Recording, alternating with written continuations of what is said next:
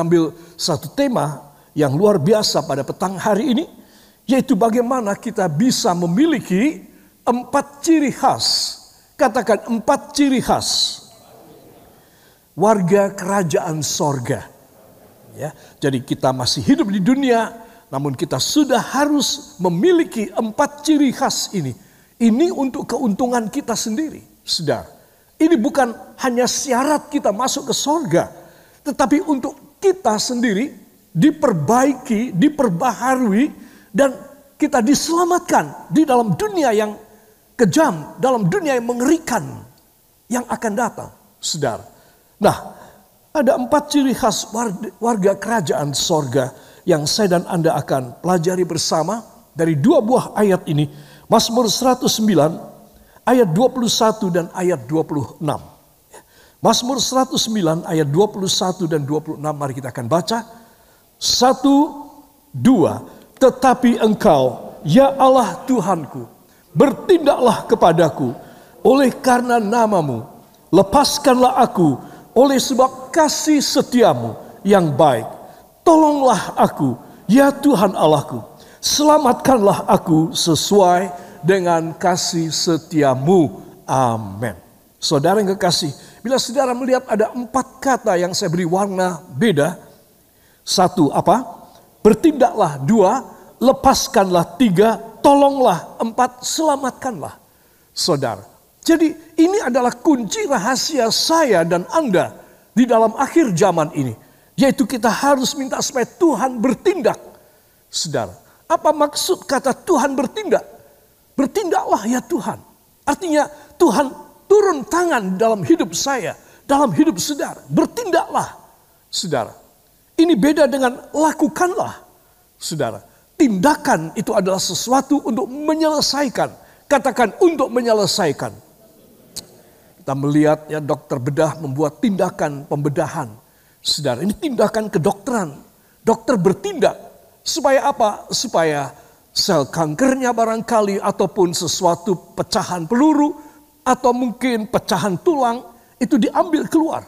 Tindakan dokter untuk menyelesaikan dan menyembuhkan. Kemudian lepaskanlah. Saudara, betapa sering kita mohon kepada Tuhan. Tuhan lepaskan hamba dari penderitaan ini, dari kekurangan uang ini. Lepaskan hamba dari penyakit ini. Lepaskan hamba dari problema ini. Saudara, Lepaskanlah. Saudara, ini adalah tindakan Tuhan untuk menolong kita mengurai segala problema, persoalan kita. Saudara dan yang ketiga, tolonglah. Ketika dalam keadaan yang terjepit, dalam keadaan yang sangat darurat, saudara maka kita berteriak, Tuhan tolong, tolong Tuhan. Kita tidak sempat berdoa, cuma kita berteriak, tolong Tuhan. Saudara inilah rahasia daripada orang-orang yang ditebus oleh darah Yesus. Katakan amin. Dan yang keempat adalah selamatkanlah. Kata selamatkanlah berarti Tuhan jangan engkau biarkan hamba tidak selamat. Tuhan selamatkan saat ini. Saudara yang kekasih ini menyangkut tentang kepemilikan kita. Kewarganegaraan kita di sorga. Amin.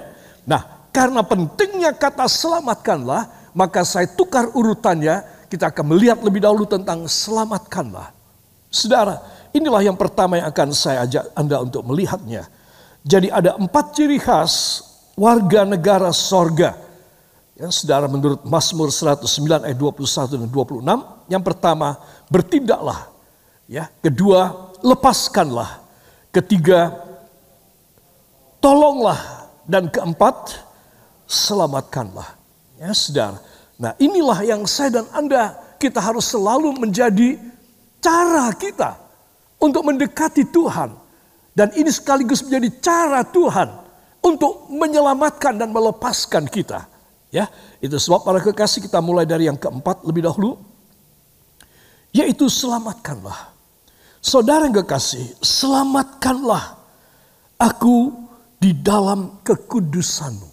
Katakanlah, katakan, selamatkanlah aku Tuhan di dalam kekudusanmu. Ya saudara. Jadi mengapa kekudusan Allah mampu menyelamatkan kita?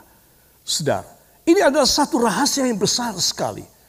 Memang darah Yesus, baptisan air, perjamuan kudus, itu menyelamatkan kita, saudara. Tetapi sekali ini kita akan melihat bahwa kekudusan Tuhanlah yang menyelamatkan kita. Jadi setiap kita mempunyai sesuatu keadaan yang kita harus baharui. Yaitu kita harus keluar dari semua dosa dan masuk dalam pengudusan Katakan pengudusan Tuhan Yesus akan membuat saya selamat. Ya, para kekasih itu sebab ayat ini penting sekali. Tolong dibuka pada Alkitab Saudara. Ibrani pasal yang ke-12 ayat yang ke-14. Satu, dua. Berusahalah hidup dalam damai dengan semua orang.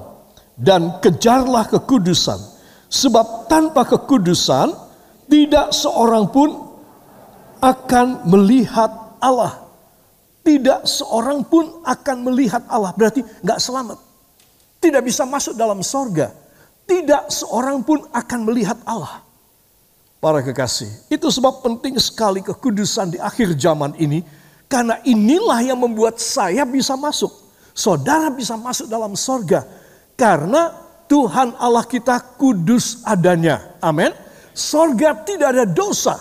Tidak ada yang najis. Sorga adalah tempat kekudusan. Saudara.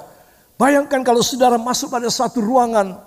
Eh, satu istana. Saudara. Wah kita kalau masuk rumah lihat ini berantakan. Itu barang lama. Itu sudah patah. Dipasang lagi.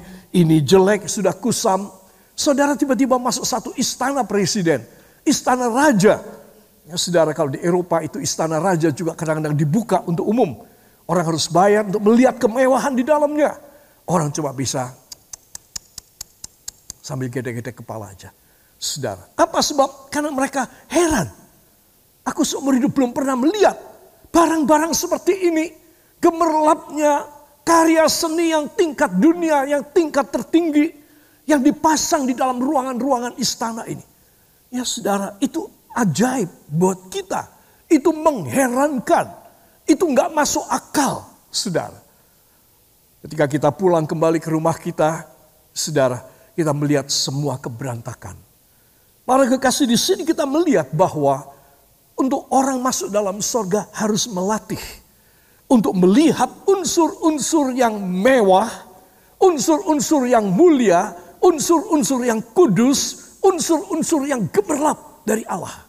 Kita harus melatih sekarang. Kalau kita tidak melatihnya, saudara, maka kita pasti tidak layak sebagai warga negara sorga menghaki sorga kita. Kita tidak layak, saudara. Ayat ini begitu tegas. Supaya Anda dan saya mengerti bahwa biarlah kita semua hidup di dalam kekudusan. Karena tanpa kekudusan tidak seorang pun dapat memandang Allah. Apalagi masuk ke rumahnya. Saudara, memandang pun kita orang tidak bisa. Itu sebab para kekasih. Kalau kita mau diselamatkan, maka unsur yang terpenting adalah kita dikuduskan. Katakan, saya harus disucikan.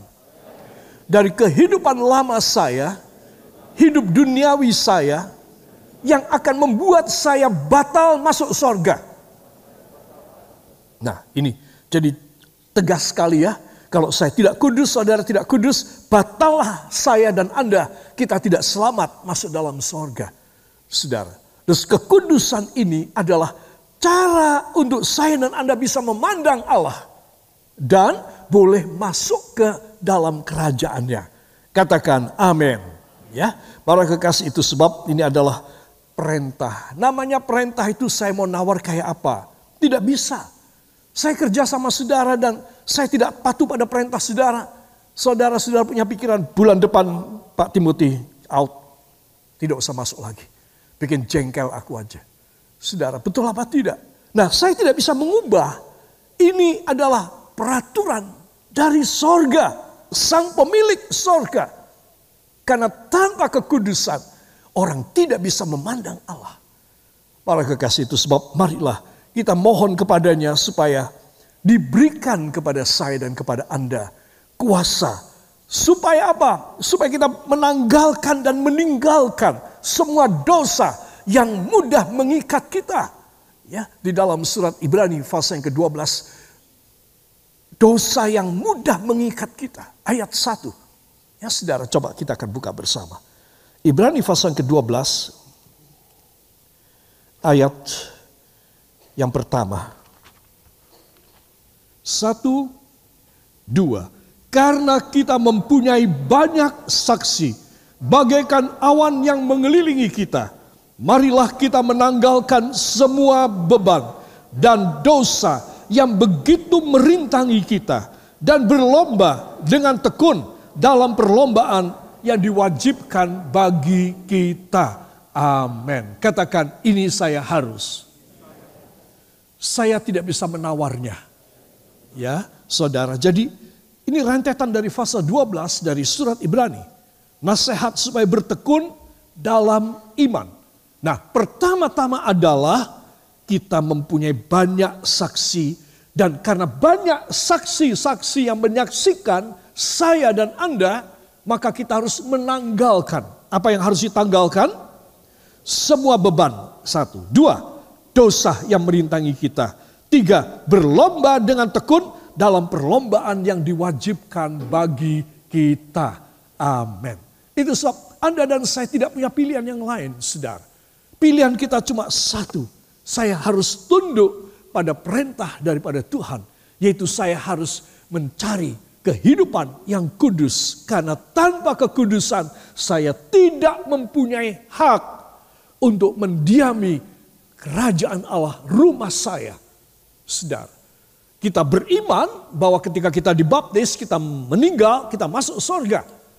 Tetapi harus ada satu nilai, katakan nilai, harga diri saya di mata Allah Bapa, yaitu seberapa kudus hidup saya. Yang percaya, beri tepuk tangan bagi dia. Berusahalah hidup damai dengan semua orang dan kejarlah kekudusan, sebab tanpa kekudusan tidak seorang pun akan melihat Allah. Coba. Jadi di sini kita begitu jelas, tanpa kekudusan tidak seorang pun melihat Allah. Mau selamat harus kudus. Itu sebab sebelum kita meninggal, saudara kalau orang meninggal itu kadang-kadang ya kita tahu ah dia sudah koma. Nah sebelum dia koma, Ya, saudara, maka dia sudah minta ampun belum sama Tuhan?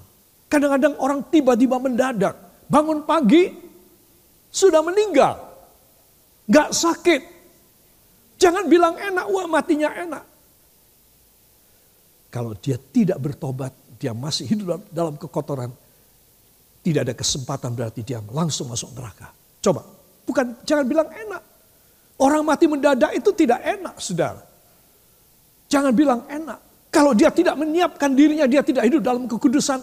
Tidak ada kesempatan untuk dia bertobat. Untuk makan perjamuan kudus untuk minta ampun. Saudara, dia meninggal, dia masuk neraka. Jangan bilang yang lain. Tidak ada jalan yang lain. Itu sebab Anda dan saya harus tahu. Kenapa kita harus sekarang ketika sadar. Katakan ketika saya sadar saya mencari kekudusan. Amin. Inilah yang akan menyelamatkan kita orang. Saudara, jangan bilang kalau saya sudah dibaptis, saya sudah makan perjamuan kudus. Saudara, tapi hidup saya tidak karu-karuan, saya masuk neraka. Apa pun kehebatan saya tidak dinilai sama sekali oleh Tuhan. Tuhan hanya menilai kamu kudus apa tidak. Kamu suci apa tidak. Kamu berkenan kepadaku apa tidak. Cuma itu saja. Sudah. Bukan berapa banyak duit kau beri sama aku. Berapa banyak korban kau beri. Saudara, tidak. Itu sebab Anda dan saya harus minta kepadanya. Supaya kehidupan kita ini selalu berkenan kepadanya. Yang mau beri tepuk tangan bagi dia. Para kekasih, itu sebab saya ingin mengajak semua saudara memperhatikan yang ketiga. Ya, yang ketiga adalah tolonglah aku ya Tuhan. Saudara, ada pada ayat 26 dari Mazmur 109. Para kekasih, lebih dahulu kita akan membuka dalam Mazmur 40 ayat yang kedua. Kita baca, satu, dua. Aku sangat menanti-nantikan Tuhan, lalu ia menjenguk kepadaku dan mendengar teriakku minta tolong. Amin. Para kekasih, tolong dibuka sejenak pasal 40 ya. Mazmur pasal 40 ayat yang kedua. Pada ayat yang pertama, syukur dan doa untuk memimpin biduan Mazmur Daud. Saudara, Mazmur Daud. Daud ini adalah orang yang selalu bersender dan bersandar kepada Tuhan. Coba. Dari sejak dia menjadi tukang angon, gembala, saudara, sampai dia menjadi panglima kerajaan Israel dan dia ngawulo kepada Raja Saul sebagai tentara dan salah seorang panglima. Sampai kemudian dia menjadi menantu raja, sampai kemudian dia menjadi raja menggantikan mertuanya. Saudara, orang satu ini memang penuh dengan penyerahan hidup. Saudara, ini ada sejarahnya. Bila saudara membaca Mazmur awal-awal, saudara, Mazmur awal-awal, maka saudara akan mendapat bahwa selalu teriakan minta tolong. Selalu teriakan minta tolong. Selalu pengakuan aku ini tidak kuat, tidak mampu. Siapa yang akan melepaskan aku? Saudara, itu Mazmur awal. Saudara. Jadi saudara tahu bahwa orang ini adalah orang yang sangat ngawulo dan sangat pasrah hidupnya kepada Tuhan. Tuhan tolonglah aku. Tolonglah aku ya Tuhan Saudara. Nah pada ayat yang kedua. Aku sangat menanti-nantikan Tuhan. Lalu ia menjenguk kepadaku. Ya saudara. Semua kita ada di depan kita bisa dijenguk ya. Coba saya minta saudara menjenguk. Satu, dua.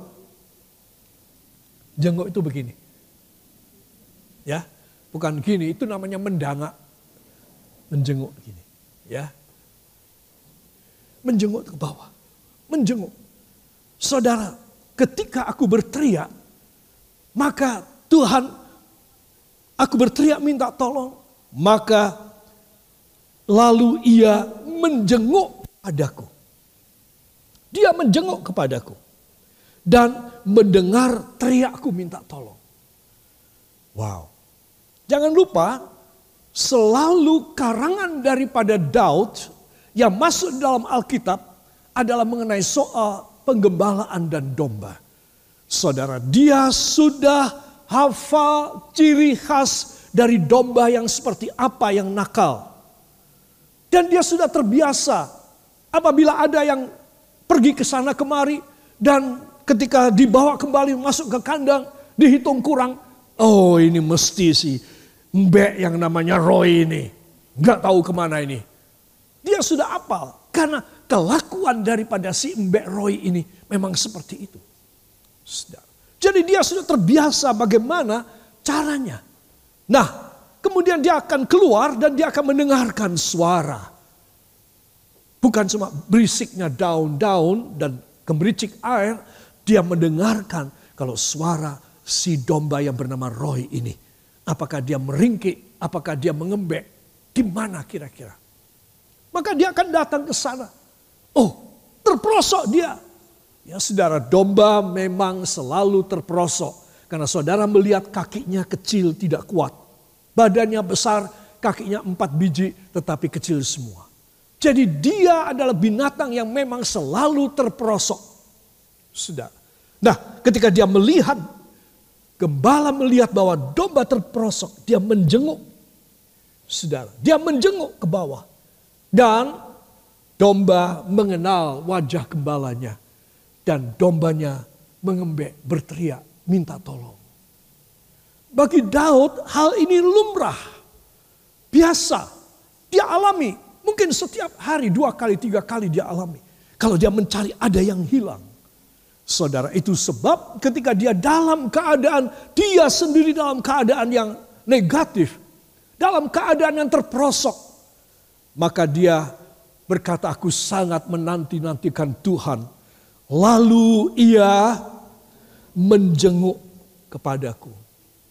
Saudara, dan mendengar teriakku minta tolong. Persis, ini adalah riwayat hidup dari domba-dombanya. Ketika satu kali dia sendiri mengalami hal ini, dia juga berteriak dan dia yakin bahwa gembalanya yang agung akan menjenguk dan melihat dia dan akan mengangkat dia dari keadaan terperosok tersebut. Katakan amin. Itu sebab para kekasih, hal yang pertama, selamatkanlah. Tidak ada unsur yang lain yang mampu menyelamatkan saya untuk saya bisa masuk ke sana. Katakan tidak ada unsur rohani yang lain yang mampu membawa saya selamat masuk kerajaan sorga. Kecuali hidup yang kudus. Amin. Beri tepuk tangan bagi dia. Nah yang kedua ini saudara. Tolonglah aku. Tolonglah aku ya Tuhan. Itu maksudnya apa? Maksudnya Tuhan engkau tahu bahwa hamba ini cuma manusia biasa. Seperti domba-domba hamba itu domba-domba yang nakal yang biasa. Jadi mereka juga terperosok. Lalu aku juga akan menjenguk mereka. Setelah aku memperhitungkan medannya yang berbahaya. Aku akan turun ke sana. Aku akan ambil ini domba. Tuhan, demikianlah dengan aku Tuhan. Jenguklah aku dan angkatlah aku. Saudara, ini berarti hidup manusia selalu ada di dalam keadaan yang marah bahaya. Tetapi semua akan diselesaikan ketika saudara berteriak minta tolong. Tuhan tolonglah aku. Teriakan saudara. Kenapa? Karena saudara adalah domba milik Tuhan dan dia adalah gembala saudara. Itu sebab yang bukan dombanya dia, dia tidak dengar sama sekali. Dia tidak sudi mendengar. Ini khusus antara gembala dengan domba.